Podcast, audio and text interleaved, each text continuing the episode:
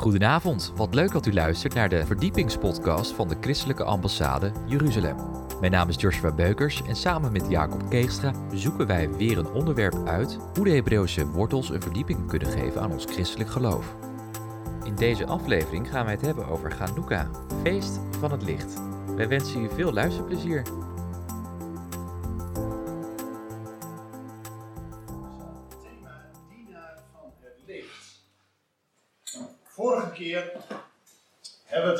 Over het Loofhuttenfeest. Het grootste feest aller tijden. God heeft visie. Om vanuit Pasen, Pinksteren, uiteindelijk naar de grote oogstfeest, waarin de bruiloft van de Lam en de maaltijd des Heeren gevierd wordt. Hebben we vorige keer over gehad. Waarom dan nu Hanukkah-feest? Nou, de hele historische achtergrond van hoe dat zit in die tempel.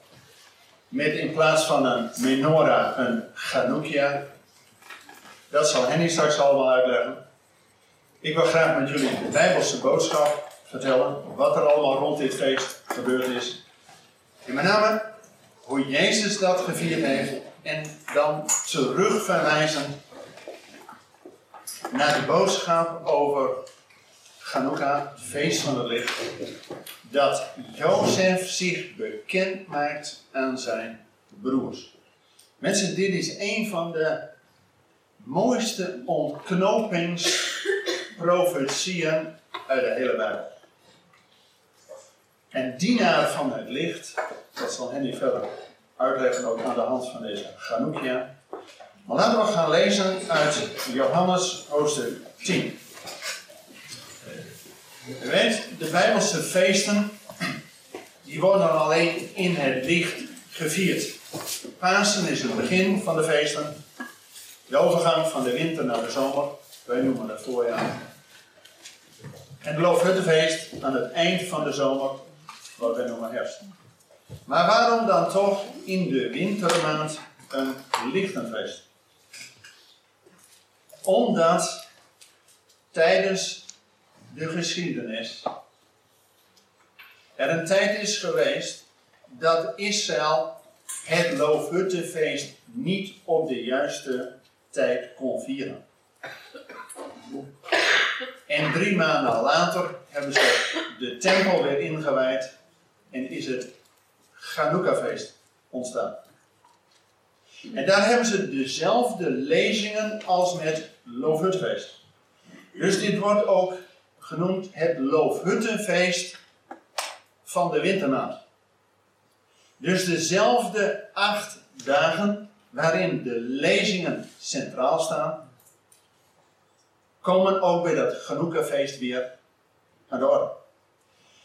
En zoals we vorige keer gelezen hebben in Johannes 7, dat Jezus met het Loofhuttenfeest er was. En op de laatste dag zegt, ik ben het licht der wereld. En Jezus zegt dat niet alleen, maar direct het volgende hoofdstuk laat hij dat ook zien. Door een blindgeborene te genezen. Dan zegt hij het niet alleen, maar laat het ook zien. En dan gaat de Bijbel gewoon verder. Dat heet ook gewoon de volgende lezing. Wij pikken er wel eens teksten uit, maar in de Bijbel gaat dat gewoon verder. En dan kom je op een gegeven moment in Johannes 10, en daar staat Johannes 10 vanaf vers 22. Johannes 10 vanaf vers 22, waar staat. En het was feest van de inwijding van de tempel. En het was winter. Dus dit tempelvernieuwingsfeest, ook wel feest van het licht, Chanukka-feest, heeft Jezus dus ook gevierd.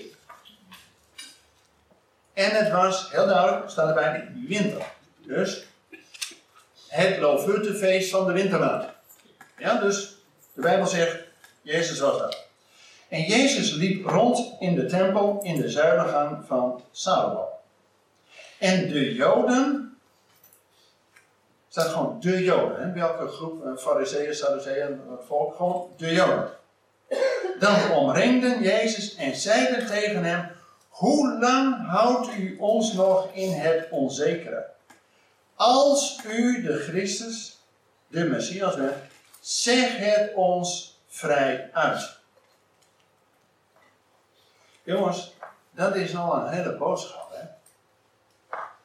Kijk, Jezus was vaak in conclave met de Fariseeërs, u kent dat. Maar hier kwamen de Joden bij Jezus en vroegen de meest belangrijke vraag waar het allemaal om draait.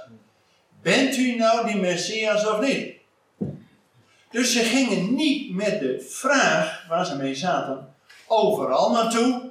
Ze kwamen bij degene die daar zelf antwoord op kon geven. Alleen wat zegt Jezus dan? Jezus antwoordde hun: Ik heb het u gezegd en u gelooft het niet. De werken die ik doe in de naam van mijn Vader, die getuigen van mij. Maar u gelooft niet, want u bent niet van mijn schapen zoals ik u gezegd heb. Mijn schapen horen naar mijn stem, ik ken ze en zij volgen mij. Ik geef hen eeuwig leven en zij zullen beslist niet verloren gaan in eeuwigheid. En niemand zal ze uit mijn hand rukken. Mijn vader die hen aan mij gegeven heeft, is meer dan allen. En niemand kan hen uit de hand van mijn vader rukken. Ik en de vader zijn één.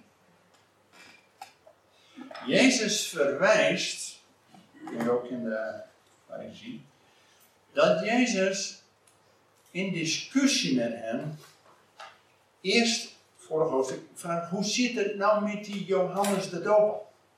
Was dat nou een boodschap vanuit de hemel of niet? nou, en de fariseeën, ja, we weten het niet. Hè? Dat is lekker makkelijk. En daar zegt Jezus, de werken die ik doe, dus niet alleen zeggen in naam van de Vader, ik ben het licht der wereld, maar dat hij het ook doet. En zelfs een blind geboren, hè, bedoel, dat is duidelijk. Die werd blind. En die wordt weer het licht in de ogen gegund.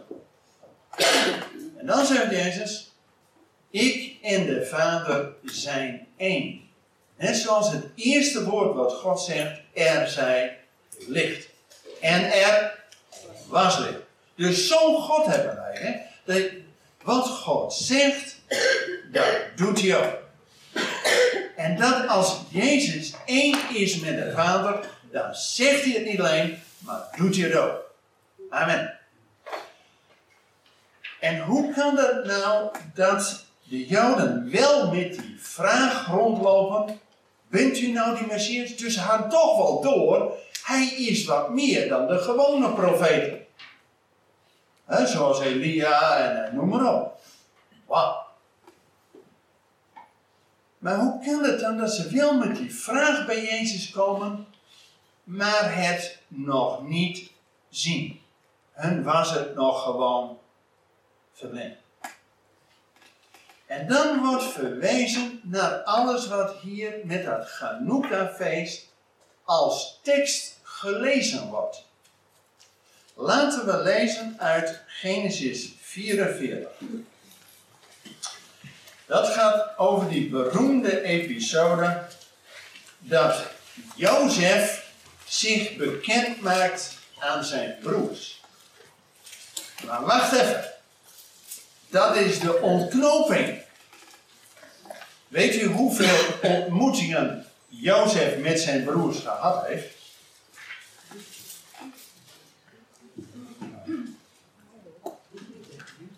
Nou, het hele verhaal heeft volgens mij vijf of zes hoofdstukken in Genesis. Genesis is het boek van de principes. Begint met God schept. En het laatste hoofdstuk van Genesis is dat Jozef sterft. Dat staat allemaal principes. Ja. Want Jozef had die titel, die eretitel, redder der wereld. Maar nou eens kijken.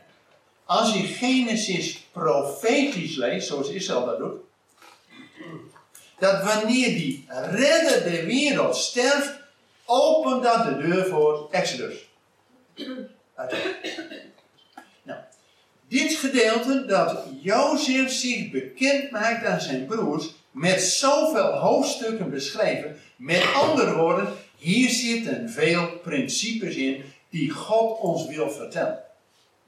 En we weten allemaal, we voelen allemaal aan, die Jozef was niet zomaar iemand. Is gewoon een beeld van de Messias. Hij kreeg, toen hij nog jong was, al van zijn vader Jacob, die purperen mantel. Als een koninklijk kleed. Ja, logisch dat die broers daar natuurlijk een beetje jaloers aan werden. Ja, kan me voorstellen. Maar dat je jaloersheid zodanig is dat je hem wilt vermoorden, doe maar. Jongens, haat en bitterheid, dat geeft een enorme emotie. Hè? Waar mensen toe in staat zijn, als het even niet in hun strijd is. Nou, we zien het al in Genesis, het is een principe die God ons wil leren. Maar Jozef wordt op een gegeven moment gevangen genomen door die broers, uitgegooid. En Ruben wil hem nog helpen. Maar dan is het Juda die hem verkoopt. Juda. Nou, dan zit hij uh, jaren daar in Egypte. Eerste paar jaar gaat wel goed. Zit hij drie jaar nog in de bak. En dan is het bijna zover. Nee, pas op zijn dertigste wordt hij uit de bak gehaald en komt hij voor die farao. En dan heeft hij zo'n woord van wijsheid voor die farao. Ik weet dat al, hè, met die zeven vetten, vijf, zeven magen. En dat die farao alleen maar kan zeggen: Ja, wie is zo'n wijs man die dat kan besturen? Dus Jozef wordt als onderkoning.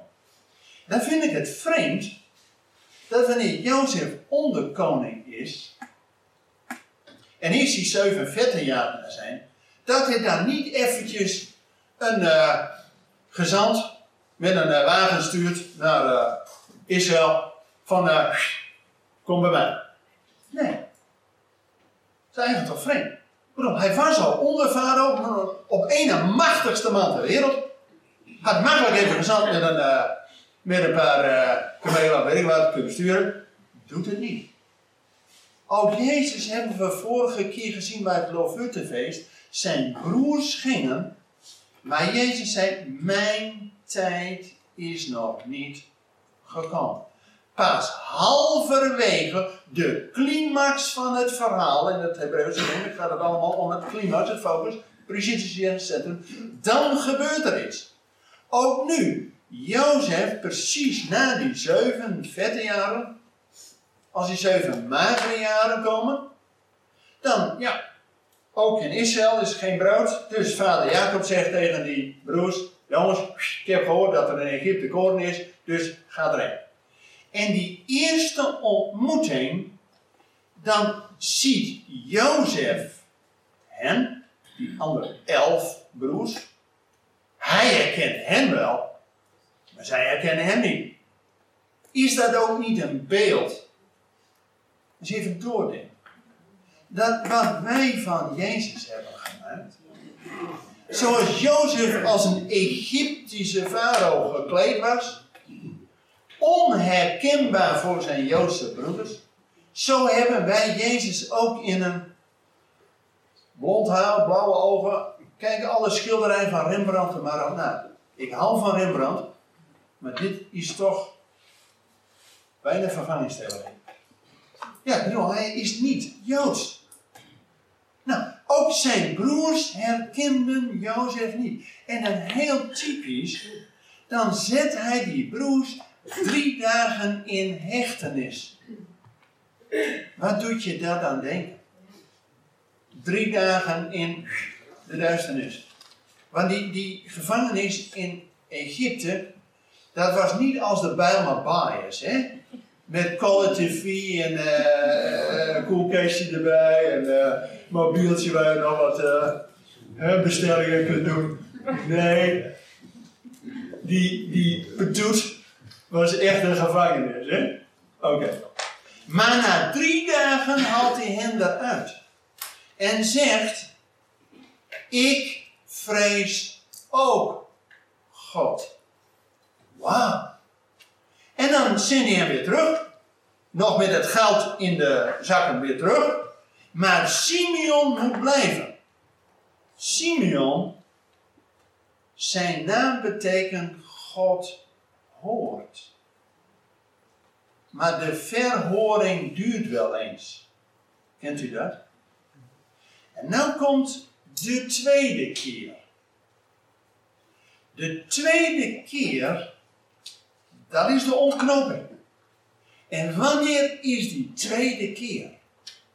Pas na twee jaar. Hey, is dat niet profetisch? Als één dag bij de Heer is al duizend jaar, duizend jaar als één dag. Is die twee jaar ook niet iets profetisch van de 2000 jaar tussen de eerste komst van Jezus en zijn wederkomst? De ontknoping. Dus die tweede keer, ja, die broers durven eigenlijk helemaal niet, hè?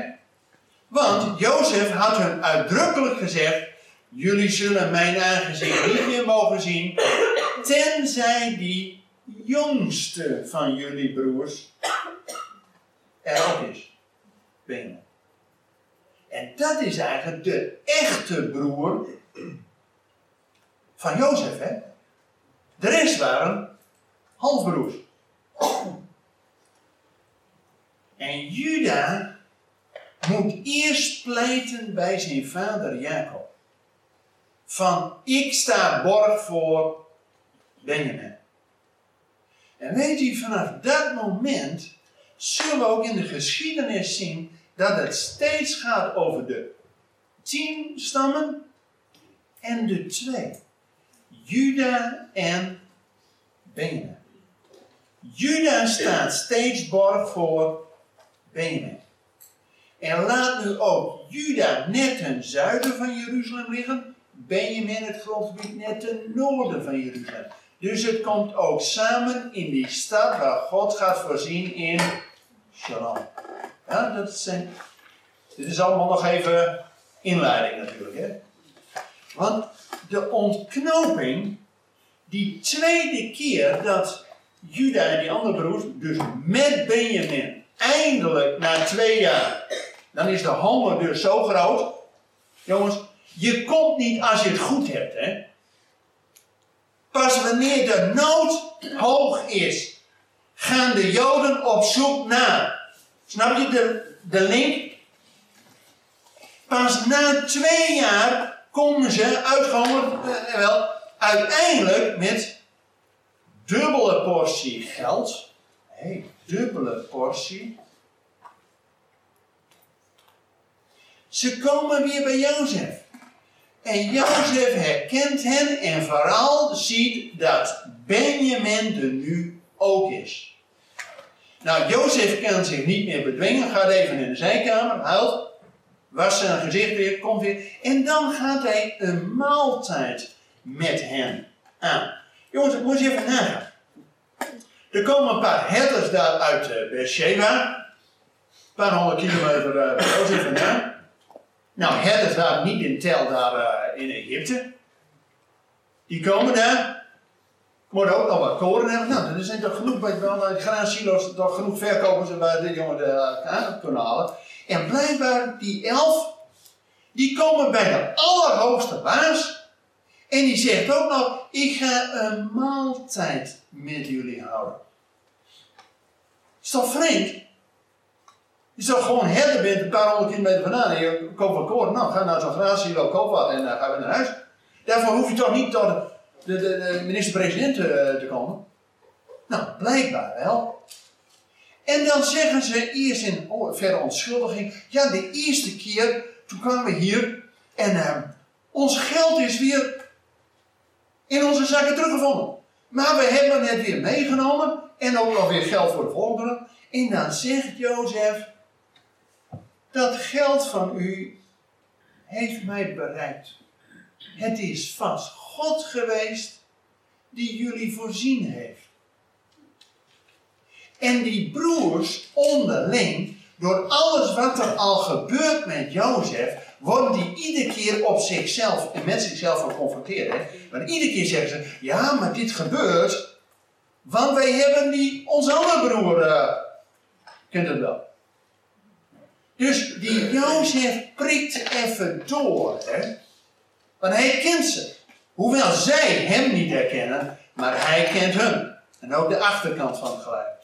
En dan vind ik het zo'n wonder, hè, dat na zoveel jaar omzwervingen en zoveel jaar in de bak, dat die Jozef niet verbitterd is.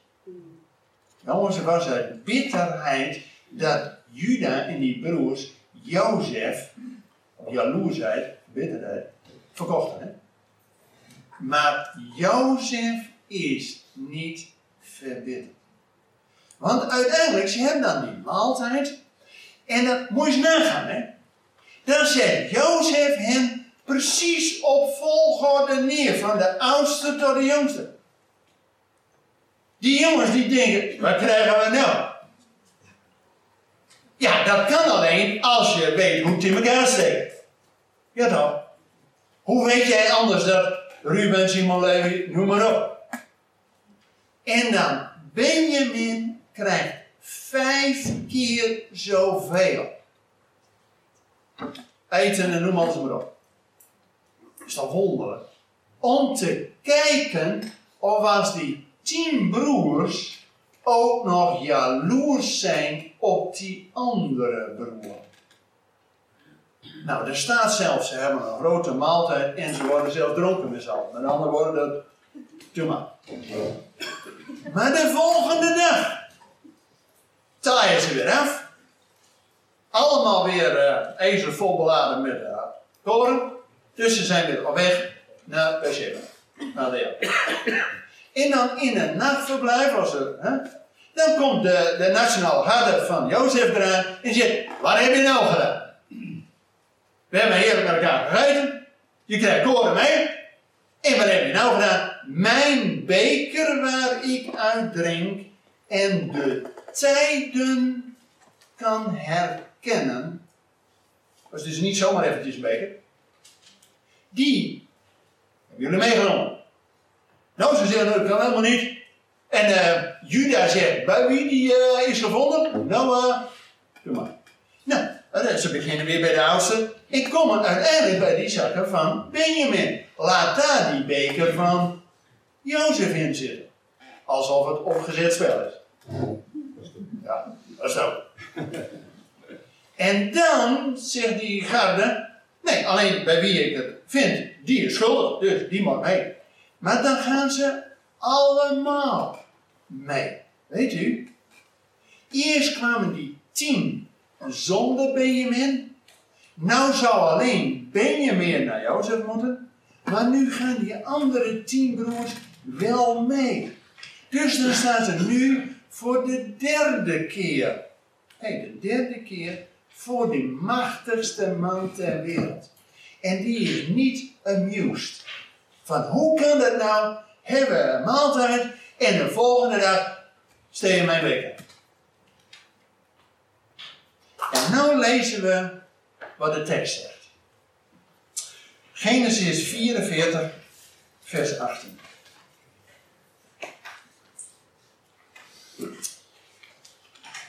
Genesis 44 vanaf vers 18. En toen trad Juda op Jozef toe en zei: Och, mijn heer, laat uw dienaar te gaan woord en aanhouden van mij hier mogen spreken. En ontsteek niet in woede tegen uw dienaar, want u bent als de vader ook. Mijn heer heeft aan zijn dienaar gevraagd: Hebt u nog een vader of een broer? Toen hebben wij tegen mijn heer gezegd: Wij hebben een oude vader en die heeft een kind van zijn ouderdom, de jongste. Zijn broer is dood en hij is als enig kind van zijn moeder overgebleven en zijn vader heeft hem lief. Toen u tegen uw dienaren gezegd, breng hem naar mij toe, zodat ik mijn oog op hem kan slaan. Wij zeiden toen tegen mijn heer, de jongen kan zijn vader niet verlaten, want als hij zijn vader verlaat, zal deze sterven. Toen zei u tegen uw dienaar, als uw jongste broer niet met u meetrekt, mag u niet meer mij onder ogen komen.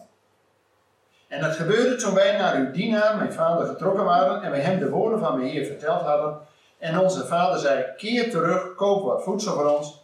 Dat wij zeiden, wij kunnen daar niet heen trekken, alleen als onze jongste broer bij ons is, zullen wij gaan. Want wij mogen die man niet meer onder ogen komen als onze jongste broer niet bij ons is. Toen zei uw dienaar, mijn vader, tegen ons: Jullie weten dat mijn vrouw met twee zonen gebaat heeft. De een is bij mij weggegaan en ik heb gezegd: Hij is vast en zeker verscheurd. Ik heb hem tot nu toe niet teruggezien. Als jullie ook deze zoon van mij afnemen en hem een ongeluk overkomt, dan zullen jullie mijn grijze haar van ellende in het graf laten neerdalen. En nu, als ik bij uw dienaar, mijn vader, terugkom, zonder dat de jongen bij ons is, want hij is met hart en ziel aan hem verbonden. Dan zal het gebeuren dat hij zal sterven als hij ziet dat de jongen er niet bij is. Dan zullen uw dienaren het grijze haar van uw dienaar, onze vader, met verdriet in het graf doen neerdalen. Uw dienaar heeft zich namelijk bij mijn vader borg gesteld voor de jongen. Door te zeggen, als ik hem niet bij u terugbreng, dan sta ik alle dagen bij mijn vader in de schuld. Nu komt het. Nu dan. Laat uw dienaar toch in plaats van deze jongen de slaaf van mijn heer blijven. En laat de jongen met zijn broers gaan. Hoe zou ik immers bij mijn vader kunnen terugkeren als de jongen niet bij me is? Anders zou ik de ellende moeten zien die mijn vader zal treffen. Jongens, hier is het dat Juda borg staat voor zijn broer. En hij zegt, doe mij maar in de bak. Hij die Jozef zoveel jaar daarvoor in de bak. Hè, dus verkocht en Jozef is uiteindelijk in de gevangenis terechtgekomen. En nu zegt Juda, beeld van doe mij maar maar laat die Benjamin gaan. En dan staat er, Hoofdstuk 45. Toen kon Jozef zich niet meer bedwingen voor allen die bij hem stonden. En hij riep, laat iedereen van mij weggaan. De naam de Egyptenaren. Er stond niemand bij hem toen Jozef zich aan zijn broers bekend maakte. Hij huilde zo luid dat de Egyptenaren en het huis van de farao het hoorden. En Jozef zei tegen zijn broers, ik ben Jozef. Leeft mijn vader nog? Maar zijn broers waren niet in staat om hem antwoord te geven, want ze waren door schrik voor hem overmand. En Jozef zei tegen zijn broers: Kom toch dichter bij mij. En ze kwamen dichterbij. Toen zei hij: Ik ben Jozef, jullie broer, die jullie naar Egypte verkocht hebben. Maar nu, wees niet bedroefd en laat jullie ogen niet in toorn ontvlammen, omdat jullie mij hier naartoe hebben verkocht. Want God heeft mij voor jullie uitgezonden tot behoud van jullie. Deze twee jaren is er immers honger geweest in het midden van het land en er komen nog vijf jaren waarin geen ploeg en geen oogst zal zijn. God heeft mij voor jullie uitgezonden om voor jullie een overblijfsel veilig te stellen te en jullie door een grote uitredding in leven te houden. Tot zover. Jongens, als je dit toch leest, is het toch allemaal profetisch.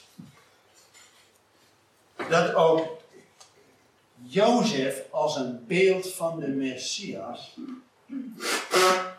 en u weet straks bij de zegen van vader Jacob, dan wordt Juda gezegend met de heerserstaf. Daar komt de koninklijke lijn met David Maar ook Jozef krijgt een dubbele zegen, doordat niet alleen Jozef, maar zijn twee zonen, Ephraim en Manasse. En dan zelfs de jongste wordt meer gezegend dan de oudste. En Ephraim krijgt ook een leidersrol.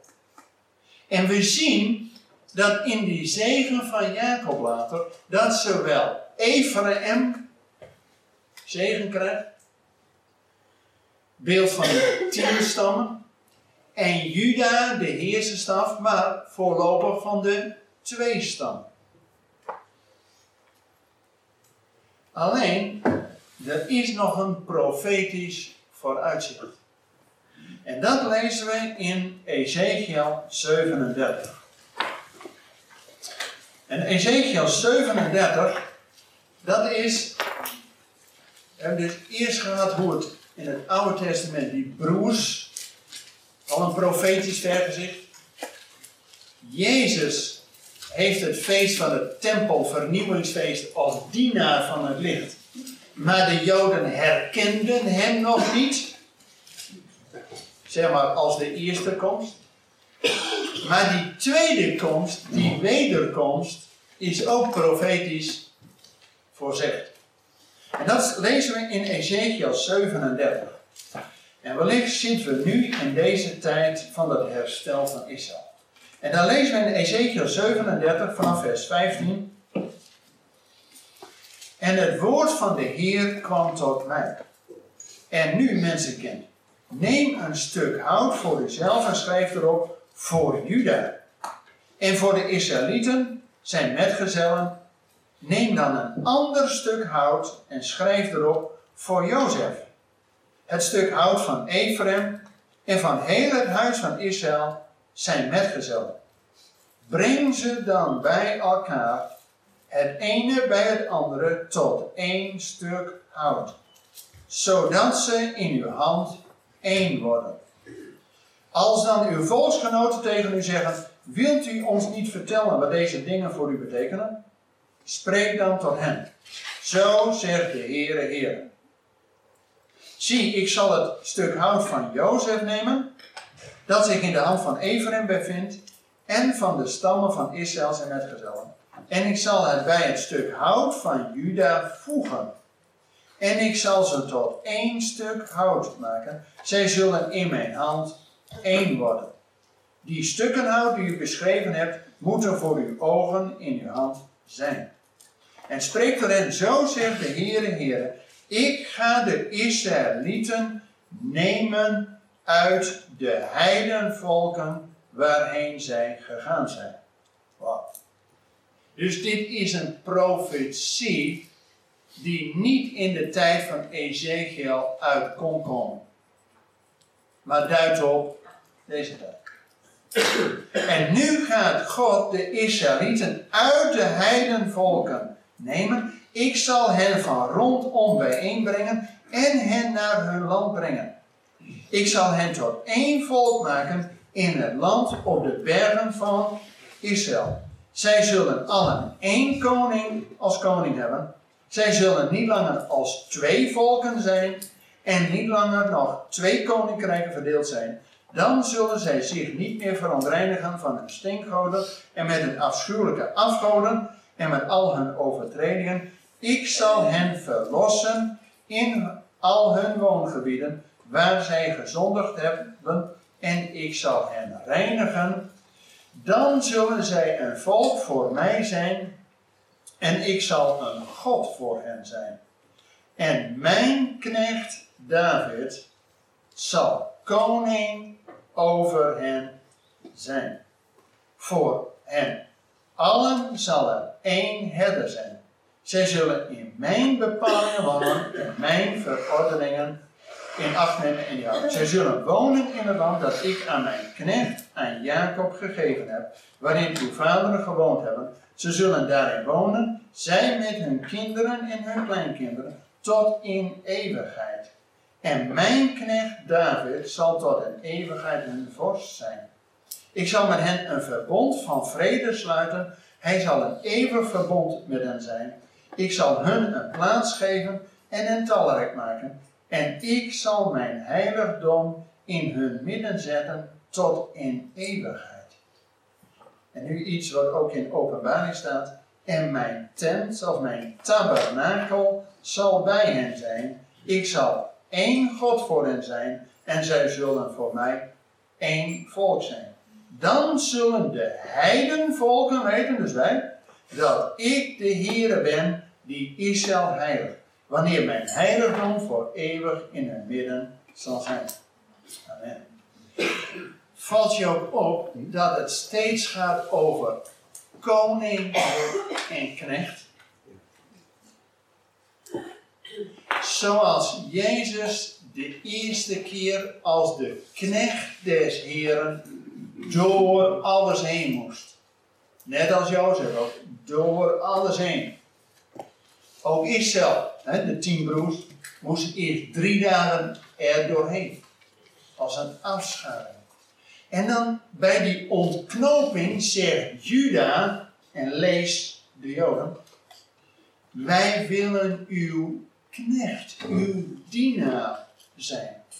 Dus niet van ik weet het zelf en ik zit zelf op de troon. Nee, ze willen de dienaar van die grote koning zijn.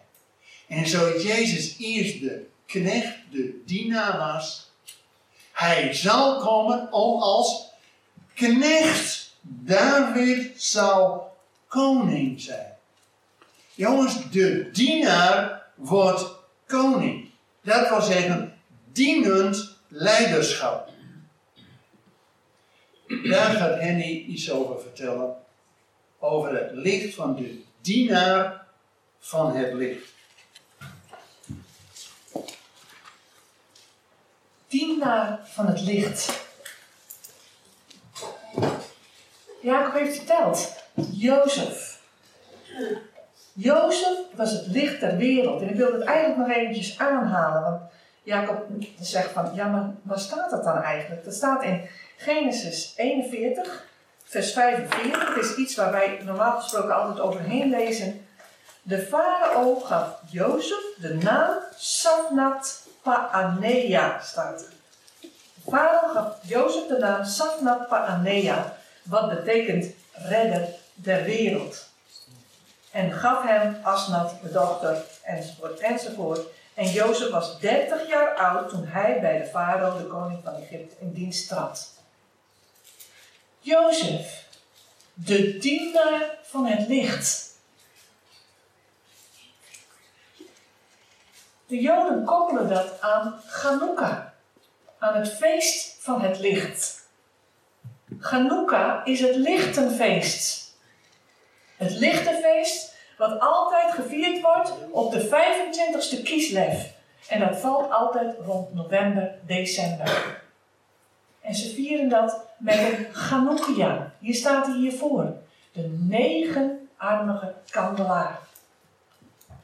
Waarom? Het is altijd een beetje verwarrend. Je hebt de zevenarmige kandelaar en de negenarmige kandelaar.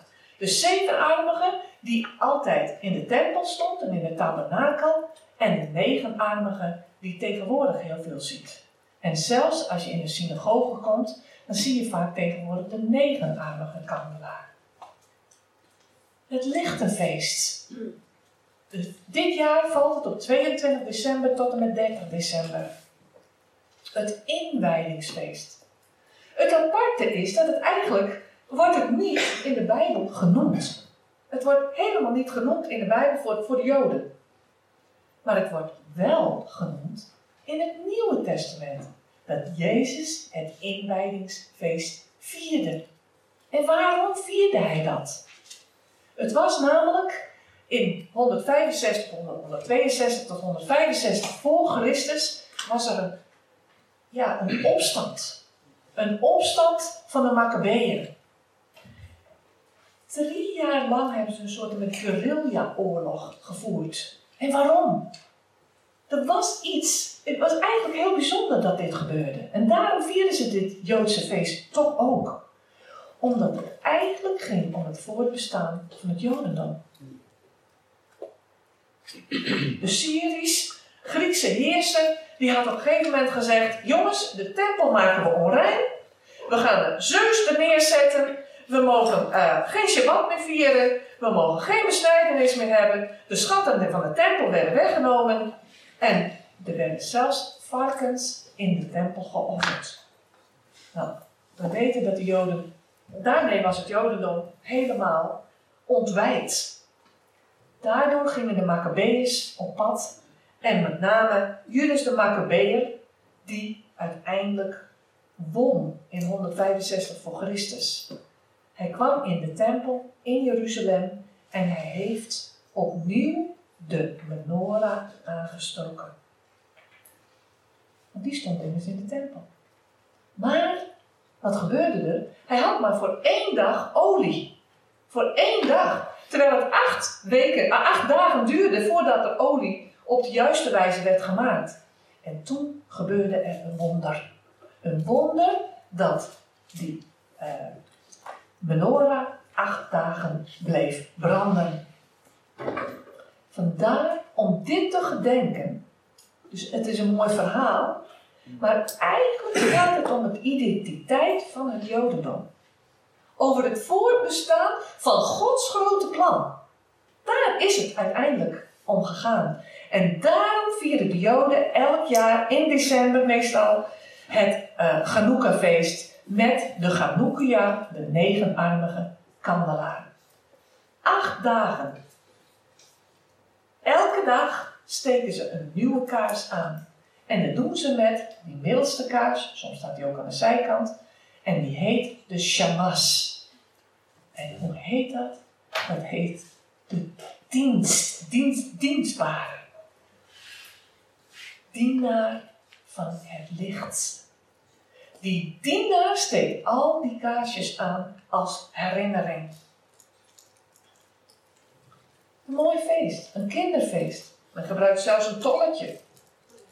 Hier een dreidel, zo'n tolletje waar ze mee, uh, mee spelen, de kinderen. En er staat op, Nes Gadol Haya Po. Hier is een groot wonder gebeurd. Nes, Nes is het Hebreeuwse woord voor wonder.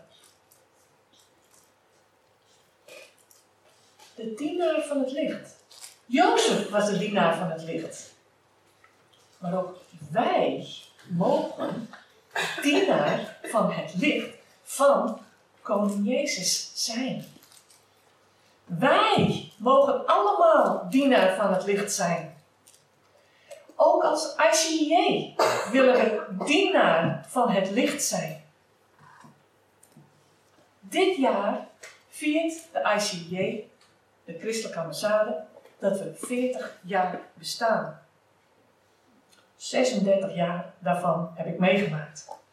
En mocht ik ook dienaar van het licht zijn, ook door middel van de ICJ.